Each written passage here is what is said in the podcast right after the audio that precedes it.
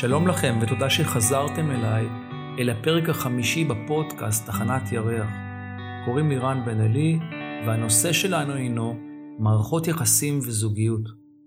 הפרק הזה הוא חלק שני והמשך לפרק הרביעי של הפודקאסט, ולכן אם לא האזנתם עדיין לחלק הראשון, אתם מוזמנים לעשות זאת כעת.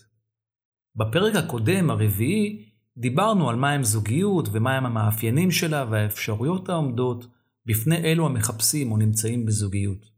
דיברנו על איך הזוגיות מתממשת דרך הביטוי של העומק והקצב. בפרק הזה, החמישי, נדבר על המאפיינים הנוספים של הזוגיות. נדבר על הגובה של היצירה הזוגית ועל הגודל של החוויה. נדבר גם על מערכת הציפיות הזוגית המערימה קשיים, על שליטה, קבלה ונתינה, וגם על הלב. לפני שמתחילים, אני מזכיר לכם, זהו רק פודקאסט. עם מחשבות ורעיונות בלבד, ולא אורים ותומים. לכן, זה לא טוב וזה לא רע, זה לא גבוה או נמוך, ומומלץ להישאר פתוחים.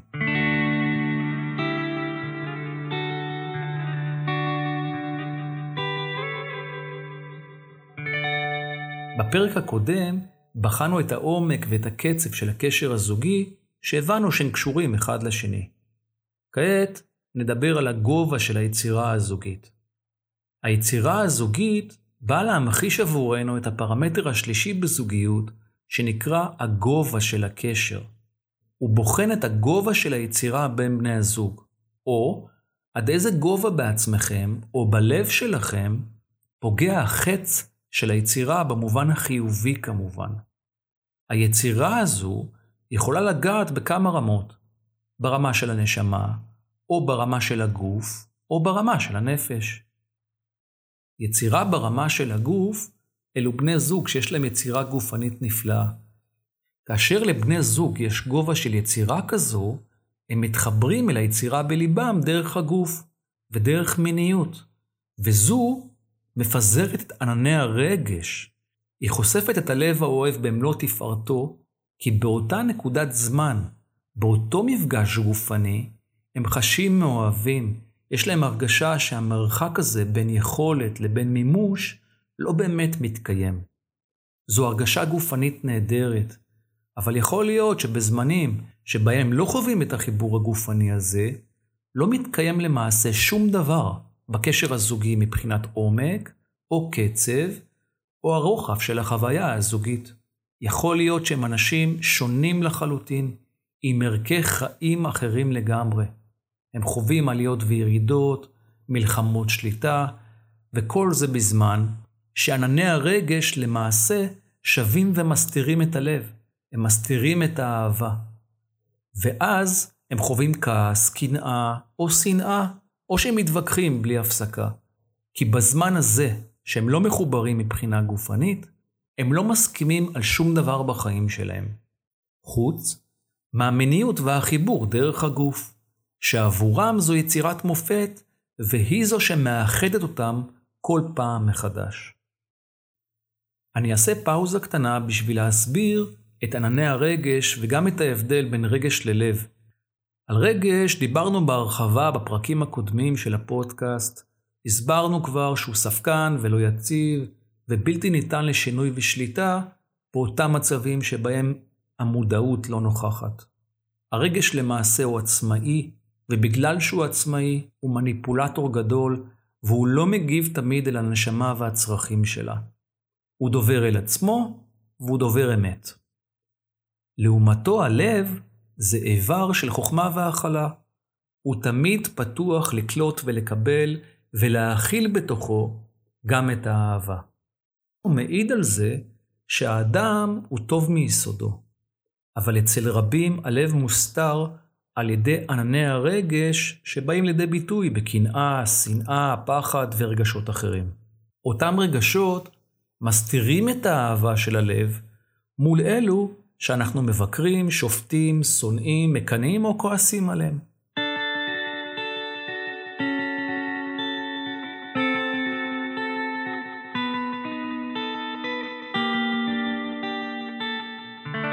הגובה של הקשר מבחינת הרמה של הנשמה אומר שחץ היצירה פוגע למעשה ברמה של הנשמה, זה אנשים שמחפשים או מוצאים את החצי השני שלהם, את המשלים.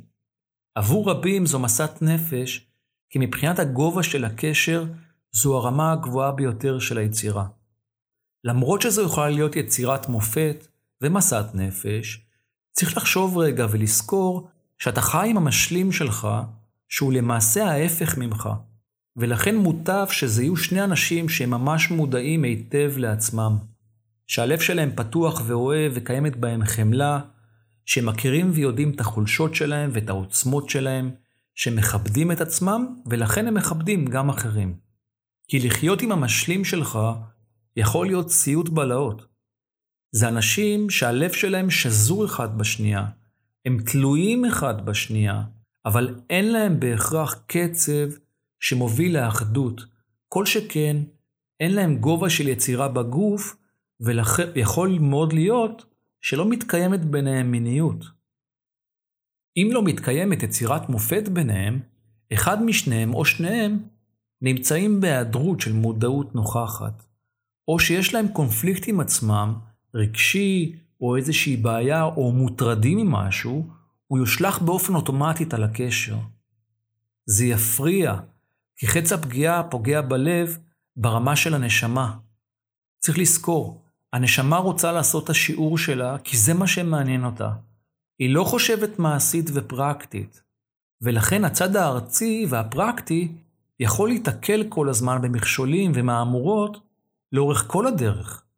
אלו יכולים לבוא לידי ביטוי בכאב נפשי, ובסיטואציות שחלקן יכולות להיות קשות, ולרוחב כל הסקאלה הרגשית. זה קשר אובססיבי, אבל אם מתקיימת ביניהם גם אלימות או ניצול, הם לא יעזבו את הקשר, הם גם לא ידעו להסביר למה. זה קשר חזק מאוד שקשה מאוד להתיר אותו, אבל אם בני הזוג הצליחו להפוך אותו ליצירת מופת, אז אפשר לשים אותם במוזיאון כדי שכולם יוכלו לראות מהי יצירת מופת.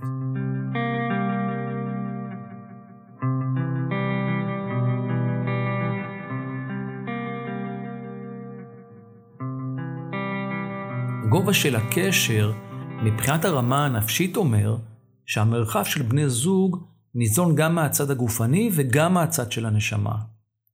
חץ היצירה פוגע בלב גם במישור של הנשמה וגם במישור של הגוף, וזה מקום נהדר להיות בו.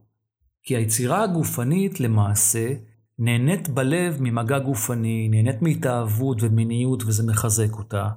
ויחד עם זאת, יש ומתקיים גם חיבור יצירתי ברמה של הנשמה. ולכן אנשים כאלה, זוג כזה, יכול לאחד כוחות ולבטא אותו כחיבור נפשי עמוק וחזק, כמו שיתוף פעולה במיזמים משותפים, או פרויקטים שדורשים יצירה של הרוח והחומר יחד. יש פה אפשרות לשילוב כוחות, כי מתקיים איזון בתוך היצירה שלהם. יחד עם זאת צריך לזכור שהנשמה והגוף רוצים דברים אחרים לגמרי. הם שמים את אצבע הרצון על צרכים שונים בגלל שיש להם נקודות מבט שונות. ולכן הגובה של הקשר ברמה הנפשית יבוא לידי ביטוי בלב בביטויים של הקצנה ותנודות. כי רמת הנשמה רוצה לממש את השיעור ואת הבחירה, וזה מה שמעניין אותה. והגוף, לעומתה, רוצה ליהנות ולהיות מסופק. ובגלל שהרמה הזו היא קצת מהגוף וקצת מהנשמה, אז אין פה טוטליות בתוך הזוגיות. ולעיתים, גם אם מתקיימת הרמה הגופנית כמיניות והתאהבות, יש לפעמים הרגשה שזה עדיין חסר, או לא, או לא מלא לגמרי, וצריך להסכים ולקבל את זה. כנ"ל לגבי החיבור הרוחני, כי יש פה איזושהי נדנדה בצרכים שיכולה להזמין על המרחב הזוגי גם משחק או דרמה, כי יהיה להם עליות וירידות. אבל בגלל שהחטא של היצירה בסך הכל גבוה, זה יכול לבוא לידי ביטוי כאהבה.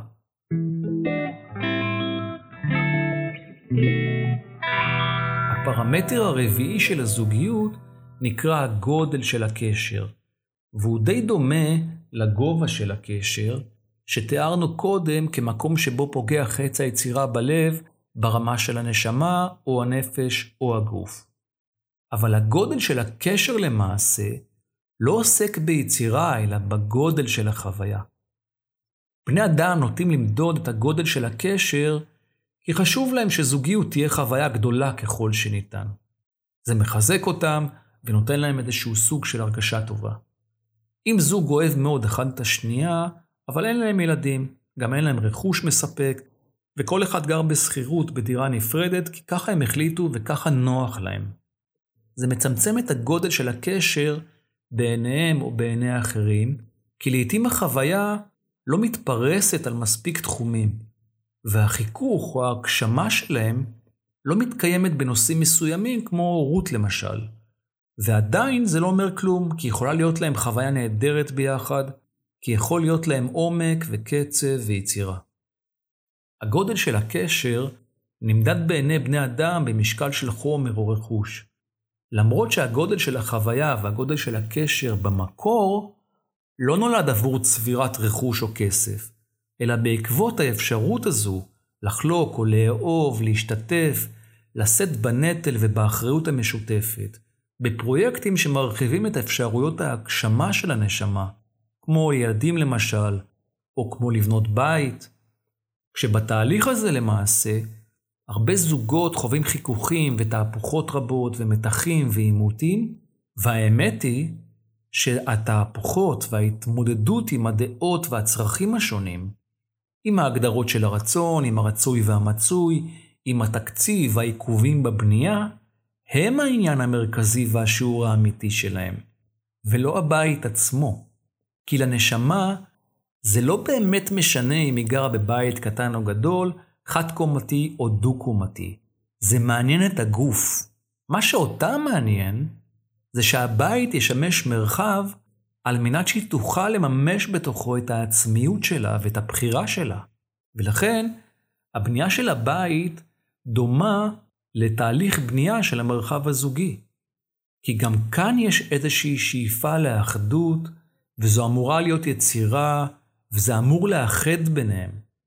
ואז מה קורה?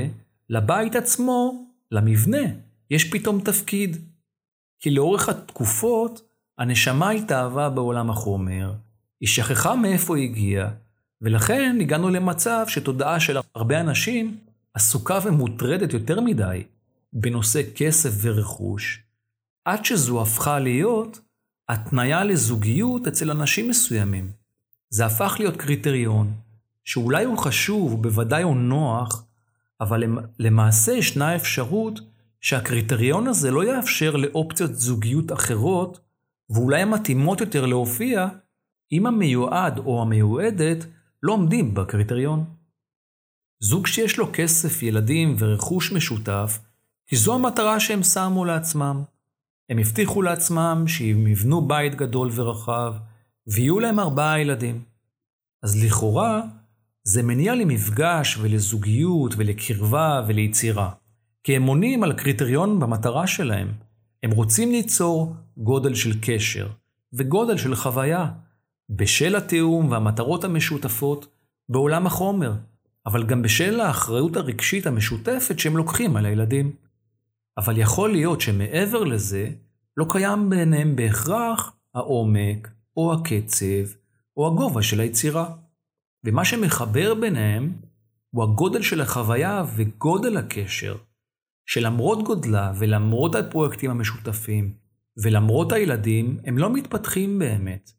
כי יכול להיות שהילדים כבר גדלו ועזבו את הבית, והבית כבר נבנה בעבר, וכבר יש להם רכוש, ואז הם לא מתקדמים, כי יש להם כבר גודל של חוויה.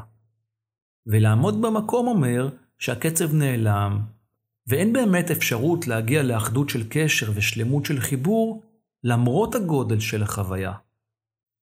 כל ארבעת הפרמטרים שציינתי, העומק, הקצב, הגודל והגובה, הם מודלים שונים של אפשרויות שתמיד מבלבלות, כי למעשה אנשים לא יודעים מה מחבר ביניהם באמת בתוך הזוגיות שלהם.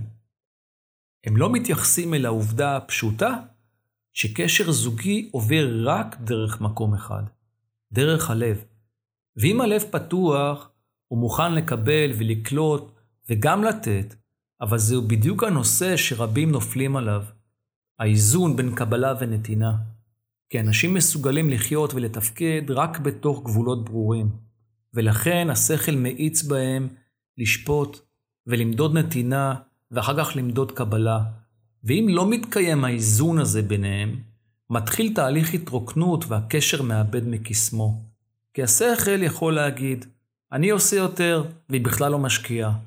או שהיא אומרת, לא אכפת לו בכלל, ואני מרגישה שהוא לא אוהב אותי מספיק.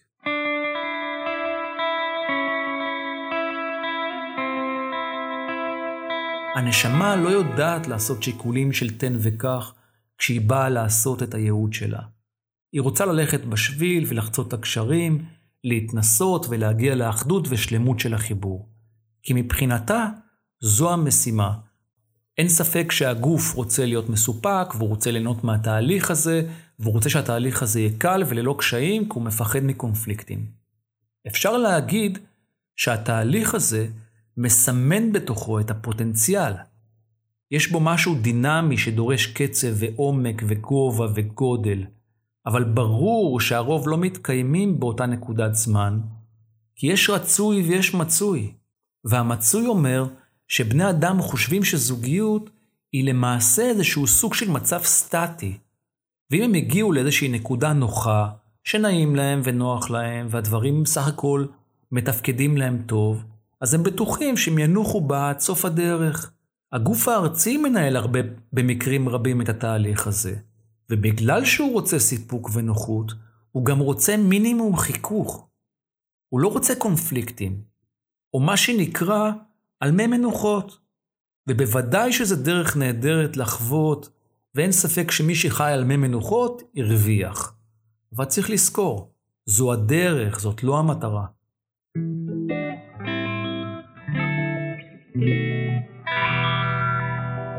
על מנת לממש את תהליך ההתקדמות, הנשמה משתמשת בכלים של הלב שמכיל את האהבה ופתוח תמיד לתת ולקבל.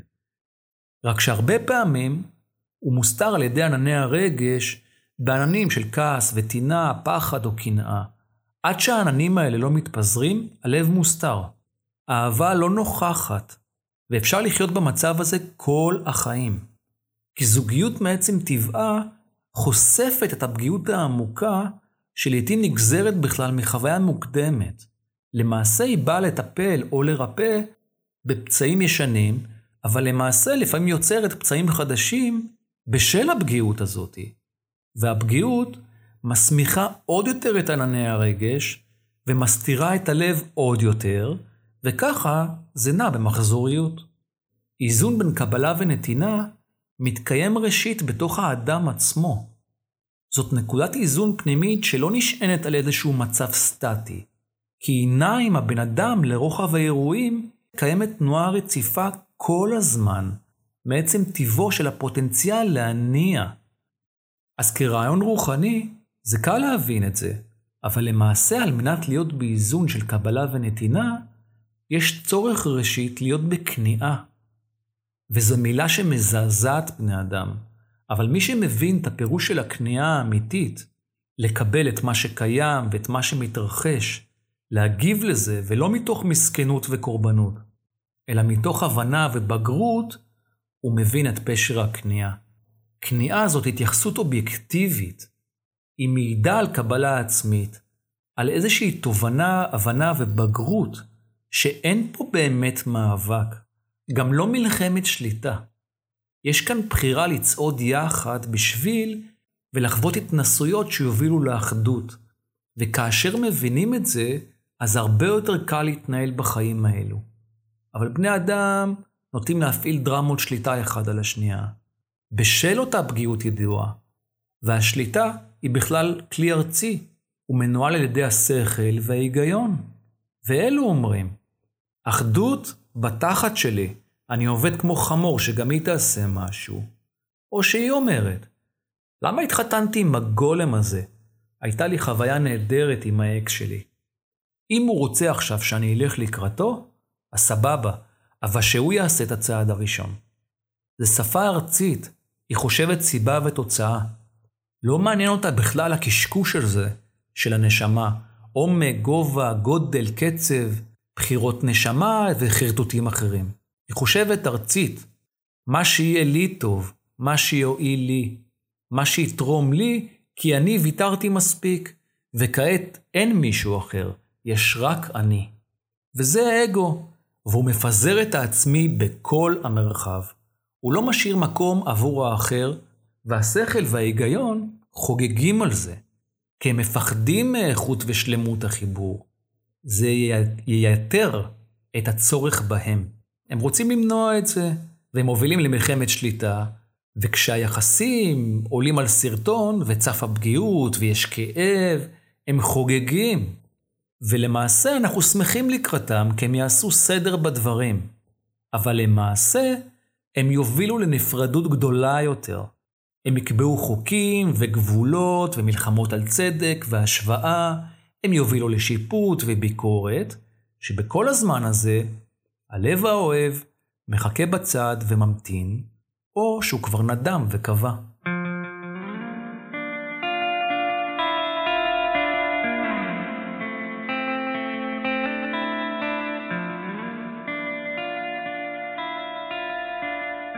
אגו הוא כלי ארצי, ואין ספק שהוא חשוב על מנת להגדיר ולהוליך את הרצון.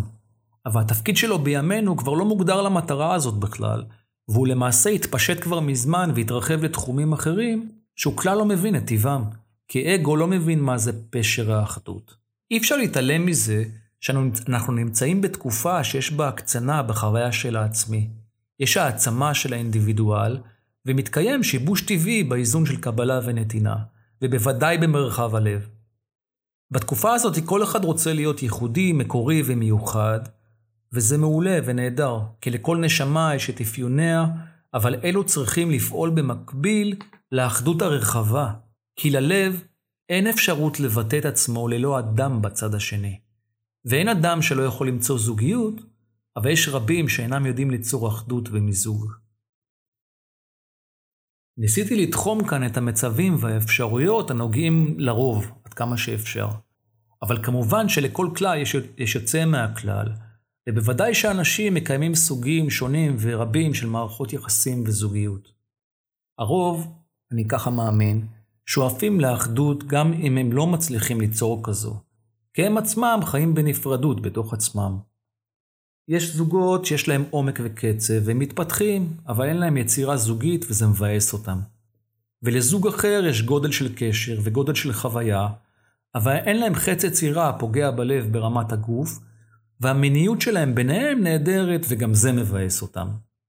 או שאין להם עומק של קשר ונקודת הגינה, וגם הם מתפתחים, אבל למרות זאת, כל יומיים הם מאיימים אחד על השנייה בפרידה, או שיש כאלה שלא יודעים בכלל איפה הם ממוקמים, אבל הם מרגישים בעיקר את החסר, והם לא בהכרח יודעים, או יש להם מושג, ממה אותו חסר נובע. וכאשר הם מאיימים אחד על השני בפרידה, הם למעשה מודיעים לעצמם שהם לא מממשים את הבחירה שהם באו לעשות.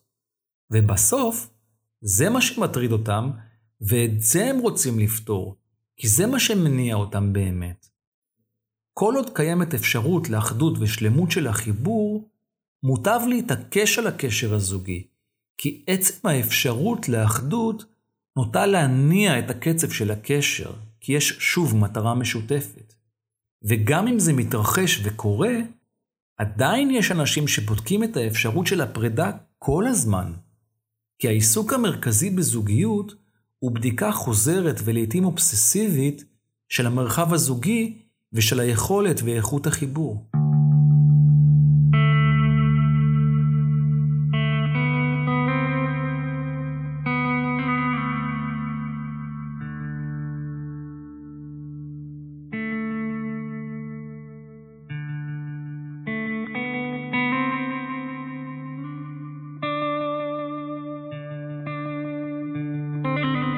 נחזור אל דוגמת הצעידה בשביל, שבה צריך לחצות קשרים ושיעורים שקשורים אל הבחירה הזוגית, בשביל להסביר כמה מצבים יוצאים מהכלל.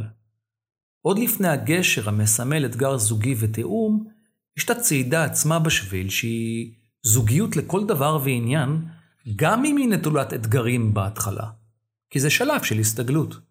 הבאתי את הדוגמה של האישה שמתקדמת עד לגשר, ואז מחכה לבן זוג שלה שמתעכב, כי הקשר, הקצב של הקשר לא תואם, וזה נוטה לעורר אצלה תסכול. למעשה יש בני זוג שבכלל לא צועדים בשביל של הזוגיות אחד לצד השני או אחד מאחורי השנייה, אלא הם צועדים גב אל גב בשביל, ולמעשה הם נראים שהם מתרחקים אחד מהשנייה, מכיוון שהאחדות עבורם לא עוצבה ונקבעה כתנאי מקדים, והצעידה גב אל גב עלולה לשבש את התקשורת, כי תשאלו את עצמכם, איך הם יתאמו ביניהם את ההליכה בשביל והמרחב הזוגי אם הם צועדים גב אל גב? כי לא מתקיים ביניהם מראה עיניים, והלב יתקשה להיפתח, ולכן מה שיקבע את איכות החיבור זה רק הקצב והגודל של הקשר.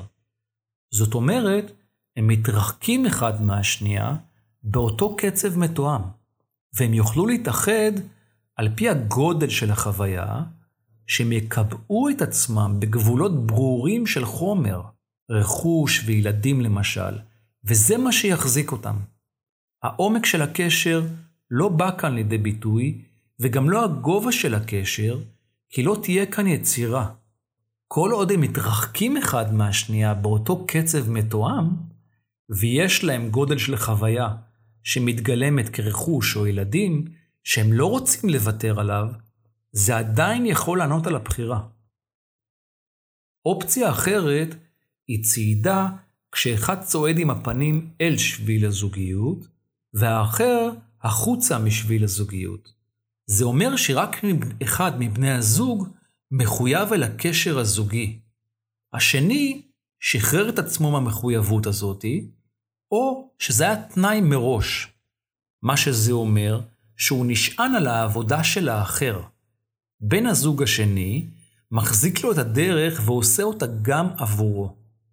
אין ספק שזו סיטואציה קשה ומורכבת, שבה אין משמעות לקצב של הקשר, וגם כאן הם התקשו מאוד ליצור אחדות. מתקיימת פשרה משני הצדדים.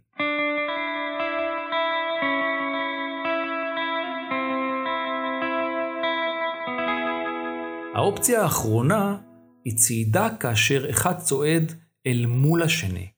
הם נראים צועדים אחד לקראת השנייה, כמו בסיפור המקורי שלנו מתחילת הפרק הקודם.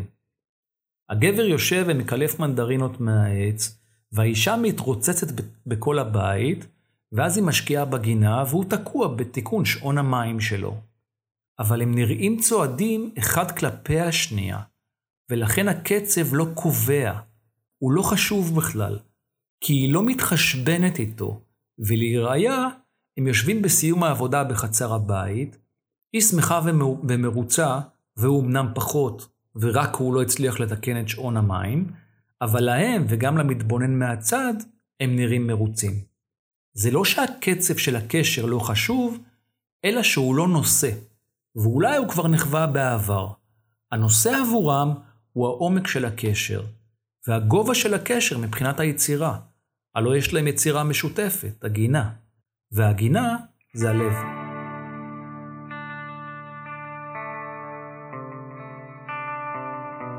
כאשר אתם חיים בזוגיות, מוטב שתמקמו את עצמכם בתוכה, כך שתדעו מהי המטרה האמיתית שלכם ומהי הבחירה ושביל הבחירה שנועד לכם.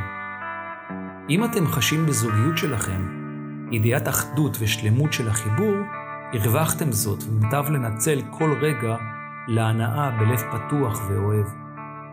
אם אתם חיים בזוגיות היודעת עליות מורדות, ספקות וחוסר איזון בין קבלה ונתינה, ואתם חושבים לפרק אותה, מוטב שתבדקו ראשית האם עדיין קיימת אפשרות לאחדות ושלמות של החיבור בעתיד.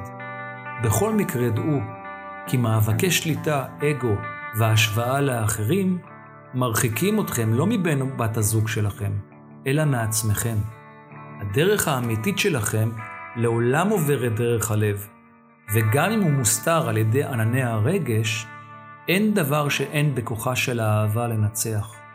כל שכן, אין דבר שמודעות נוכחת לא פותרת, כי בסופו של דבר, כך או אחרת, אתם חיים את הבחירה שלכם. ואתם יכולים לשנות את ההרגשה שלכם כלפיה בכל רגע.